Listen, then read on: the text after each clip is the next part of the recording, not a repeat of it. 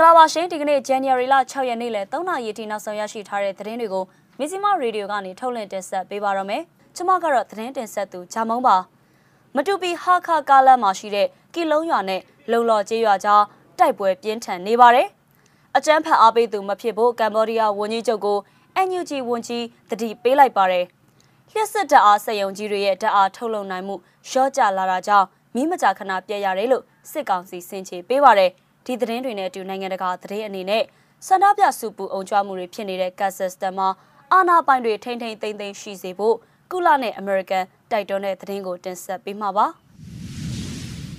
ချင်းပြည်နယ်မတူပီဟာခါကာလန်ဘဲဘက်မှာရှိတဲ့ကီလုံးရွာနဲ့လုံလော်ရွာကြားမှာဒီကနေ့မနက်9:00နာရီလောက်ကစပြီးတိုက်ပွဲပြင်းပြင်းထန်ထန်ဖြစ်ပွားနေတယ်လို့ CDF မတူပီဌာနချုပ်ပြန်ကြားရေးတာဝန်ရှိသူတဦးကမစ္စည်းမကိုအတည်ပြုပြောဆိုပါရယ် မတူပီမြို့ပေါ်ခြေဆိုင်စစ်ကောင်စီရဲ့ခမရ140အထိုင်တက်ရင်ကအင်အား150ကျော်ပါဝင်တဲ့စစ်ကောင်စီစစ်ကြောင်းဟာ CDF မတူပီတပ်ဖွဲ့ဝင်တွေရှိတဲ့နေရာစီထိုးစစ်ဆင်တိုက်ခိုက်လာတာပါဒါကြောင့်နှစ်ဖက်ထိတွေ့မှုဖြစ်ပြီးတိုက်ပွဲပြင်းထန်နေတယ်လို့သူကပြောပါတယ်ဒီကနေ့မနက်9:00နာရီကျော်ကစတင်ခဲ့တဲ့အဲ့ဒီတိုက်ပွဲကမိုးလဲ12နာရီဝန်းကျင်အချိန်ထိဖြစ်ပွားနေသေးပါနှစ်ဖက်ထိခိုက်ကြဆုံးမှုကိုတော့အတိမပြုနိုင်သေးကြောင်းသူကပြောပါတယ်။ January လ4ရက်မနက်6နာရီလောက်ကလည်းမတူပီဟာခါကားလန်ပေါ်မှာရှိတဲ့ဖနိုင်နဲ့ငလိုင်ကျေးရွာကြားကိုအင်အားအလုံးရင်းနဲ့စစ်ကြောင်းထွက်လာတဲ့အာနာသိန်းစစ်ကောင်စီတပ်ဖွဲ့နဲ့ CDF မတူပီတပ်ဖွဲ့တို့ကြားထိတွေ့တိုက်ပွဲဖြစ်ပွားခဲ့ပါသေးတယ်။အဲ့ဒီတိုက်ပွဲတွင်စစ်ကောင်စီဘက်ကအရာရှိတအူအပါဝင်3ဦးသေဆုံးပြီးတော့ပြင်းထန်စွာဒဏ်ရာရသူတချို့လည်းရှိခဲ့တယ်လို့ CDF မတူပီကသတင်းထုတ်ပြန်ထားပါတယ်။အဲ့ဒီ January လ4ရက်နေ့လယ်3နာရီမှာလဲ CDF မတူပီနဲ့အာနာသိန်းစစ်ကောင်စီတပ်ဖွဲ့တို့ကြားထပ်ပြီးတော့တိုက်ပွဲဖြစ်ပွားခဲ့ပါသေးတယ်။ဒါပေမဲ့တေဆုံးသူနဲ့ဒဏ်ရာရရှိသူအရေးအတွက်ကိုတော့အတိမပြုနိုင်သေးတဲ့အကြောင်း CDF မတူပီဘက်ကထုတ်ပြန်ပါတယ်ရှင်။ကုလသမဂ္ဂနဲ့နိုင်ငံတကာခုံရုံးတွေမှာရာဇဝတ်သားဖြစ်စီစစ်ခံယူရမယ့်စစ်အုပ်စုကိုအတိအမှတ်ပြုဖို့ကြိုးစားရင်လူသားမျိုးနဲ့တရက်လုံးကအကြမ်းဖက်အားပေးသူအဖြစ်ရှုံချတာခံရလိမ့်မယ်လို့ NUG အစိုးရဝန်ကြီးဒေါက်တာဝင်းမြတ်အေးကသတိပေးလိုက်တဲ့အကြောင်း Delta News Agency ကဖော်ပြထားပါတယ်။ January လ9ရက်နေ့မှာစတင်တော့မဲ့ကမ္ဘောဒီးယားဝန်ကြီးချုပ်ဟွန်ဆန်ရဲ့မြန်မာနိုင်ငံခရီးစဉ်မတိုင်ခင်တရက်လိုမှာ NUG အစိုးရဝန်ကြီးဒေါက်တာဝင်းမြတ်အေးကသူ့ရဲ့လူမှုကွန်ရက်စာမျက်နှာပေါ်ကနေတဆင့်အဲ့ဒီလိုသတိပေးလိုက်တာပါမြန်မာစစ်အုပ်စုဟာကုလသမဂ္ဂနဲ့နိုင်ငံတကာခုံရုံးတွေမှာလူသားချင်းစာနာမှုကင်းမဲ့တဲ့စစ်ရာဇဝတ်မှုများစွာကျူးလွန်ထားတဲ့ရာဇဝတ်သားတွေဖြစ်စီစစ်မှုခံယူရမယ့်အကြမ်းဖက်အဖွဲ့အစည်းတစ်ခုဖြစ်တယ်လို့သူကပြောပါတယ် ဒီကနေ့ခေတ်လူအတိုင်းဝိုင်းဟာမတရားမှုကျူးလွန်သူကိုသာမက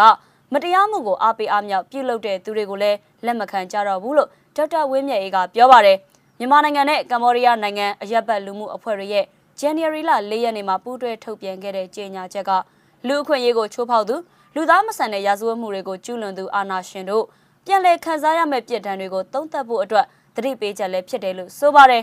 အလဲကျရရှိထားတဲ့အာဆီယံအခွင့်အာဏာကိုအသုံးချပြီး မြန်မာစစ်အုပ်စုကိုအတိအမှတ်ပြုပေးဖို့အတွက်ကမ္ဘောဒီးယားဝန်ကြီးချုပ်ဟွန်ဆန်ရဲ့ကြိုးပမ်းမှုကိုကမ္ဘောဒီးယားပြည်သူတွေကရှုံချတဲ့အကြောင်းနဲ့ဒီလိုရဟာကမ္ဘောဒီးယားနိုင်ငံကိုကိုစားမပြုကြောင်းသတိပေးကြေညာလိုက်တာလည်းဖြစ်တယ်လို့ဒေါက်တာဝင်းမြတ်အေးကဆိုပါတယ်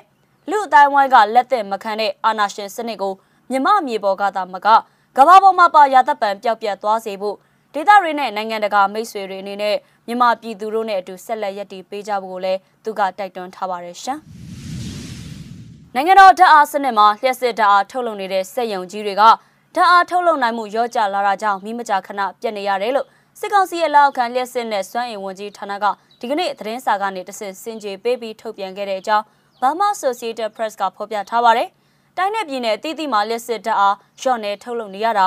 ဓာတ်အားစနစ်တည်ငြိမ်မှုအတွက်ထိန်းညှိဆောင်ရွက်ရတာတွေကြောင့်နေရာတချို့မှာအချိန်ပိုင်းဓာတ်အားပြတ်တောက်မှုဖြစ်ပေါ်နေတယ်လို့ဆိုပါတယ်။ ဓာတ်အားသုံးစွဲမှုများပြားတဲ့မနက်9နာရီကနေနေ့လယ်7နာရီအတွင်းနဲ့ညနေ9နာရီကနေည9နာရီအတွင်းဓာတ်အားစနစ်ထိန်းညှိရတာကြောင့်မဖြစ်မနေအချိန်ပိုင်းလျှက်စစ်ပြတ်တောက်မှုဖြစ်မယ်လို့ကြေညာပါတယ်။လျှက်စစ်မီသုံးဆွဲသူတွေအနေနဲ့ဓာတ်အားသုံးဆွဲမှုနဲ့တဲ့ LED မီဒီမီကြောင်အစားထိုးသုံးဆွဲဖို့မလိုအပ်ရင်မီးခလုတ်တွေကိုပိတ်ထားဖို့ထုတ်ပြန်ချက်မှာပါရှိပါတယ်။အဲ့ဒီလိုလှုပ်ဆောင်ရင်ဓာတ်အားသုံးဆွဲမှုမီဂါဝက်ရှော့ချနိုင်ပြီးလျှက်စစ်မီတာခပေးချေရမှုရော့နေတက်တာမဲလို့လည်းပြောထားပါတယ်။ မြန်မာနိုင်ငံမှာအိမ်ထောင်စု10.6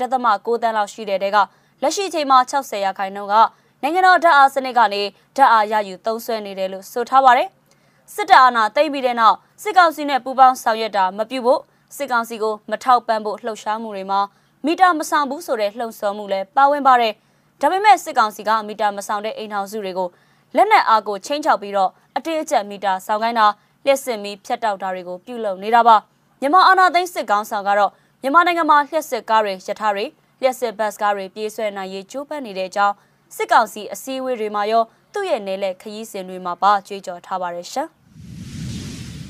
နောက်ဆုံးအနေနဲ့နိုင်ငံတကာသတင်းကိုလည်းတင်ဆက်ပေးပါမယ်ကာဇက်စတန်နိုင်ငံမှာပြင်းထန်ကြမ်းတမ်းတဲ့စန္ဒပြစူပူအုံကြွမှုတွေဖြစ်ပွားနေပြီးဒီအခြေအနေပေါ်ကင်တွေ့ရမှာအာဏာပိုင်တွေဘက်ကထိမ့်သိမ်းသိခံမှုရှိစေဖို့အတွက်အမေရိကန်နဲ့ကုလသမဂ္ဂတို့ကဇန်နဝါရီလ9ရက်နေ့မှာတိုက်တွန်းလိုက်ပါတယ်။ နိုင်ငံမှာလောင်စာဈေးနှုန်းတွေမြင့်တက်မှုနဲ့ပတ်သက်လို့စန္ဒပြမှုတွေဖြစ်ခဲ့တာပါ။အဲ့ဒီကနေတဆင့်ထိတ်တိုက်ရင်ဆိုင်ထိတွေ့မှုတွေပေါ်ပေါက်ခဲ့ပြီးဆန္ဒပြသူတွေကအစိုးရအဆောက်အအုံတွေကိုစီးနှင်းမှုတွေရှိခဲ့တဲ့နောက်မှာတော့အာဏာပိုင်တွေကတနိုင်ငံလုံးအရေးပေါ်အခြေအနေတရက်ကိုကြေညာထားခဲ့တာဖြစ်ပါတယ်။ကာဇက်စတန်မှာဖြစ်ပွားနေတဲ့အခြေအနေကိုစိုးရိမ်ပူပန်စွာနဲ့စောင့်ကြည့်နေတဲ့အကြောင်းသက်ဆိုင်သူအားလုံးအနေနဲ့အကြမ်းဖက်မှုကနေရှောင်ကျဉ်ပြီးဆွေးနွေးညှိနှိုင်းကြဖို့နဲ့ထိမ့်သိမ်းတီးခံကြဖို့တိုက်တွန်းတဲ့အကြောင်း ကုလသမဂ္ဂအတွင်းရေးမှူးချုပ်ရဲ့ပြောရေးဆိုခွင့်ရှိသူစတီဖင်ဒူဂျာရစ်ကပြောသွားပါတယ်။တစ်ချိန်တည်းမှာပဲတီတီငြိမ်ငြိမ်ရှိဖို့ကိုအမေရိကန်အနေနဲ့တိုက်တွန်းကြောင်းဆန္ဒပြသူတွေအနေနဲ့ငြိမ်ငြိမ်ချမ်းချမ်းဆန္ဒထုတ်ဖော်ကြဖို့နဲ့အာဏာပိုင်တွေဘက်ကလည်းထိမ့်သိမ်းတီးခံဖို့တိုက်တွန်းတဲ့အကြောင်း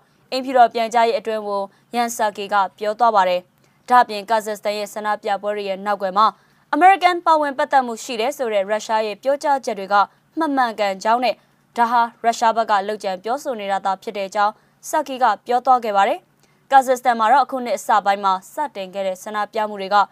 ဇန်နဝါရီလ9ရက်နေ့မှာအရှိန်မြင့်လာပြီးရဲတွေနဲ့ထိတ်တက်ရင်ဆိုင်ထိတွေ့မှုတွေအထိဖြစ်ပေါ်ထားခဲ့တာပါ။အာဏာပိုင်တွေကအင်တာနက်နဲ့မိုဘိုင်းဖုန်းလိုင်းတွေကိုဖျက်တောက်ခဲ့ပြီးလက်ရှိမှာတနိုင်ငံလုံးအတိုင်းအတာနဲ့အရေးပေါ်အခြေအနေတရက်ကြီးညာထားပါတယ်။နိုင်ငံရဲ့အခြေအနေတွေကိုထိန်းသိမ်းနိုင်ဖို့အတွက်ဇန်နဝါရီလ6ရက်နေ့မှာရုရှားဦးဆောင်တဲ့ဆိုဗီယက်အဖွဲ့ဝင်ဟောင်းနိုင်ငံတွေရဲ့လုံခြုံရေးမဟာမိတ်အဖွဲ့က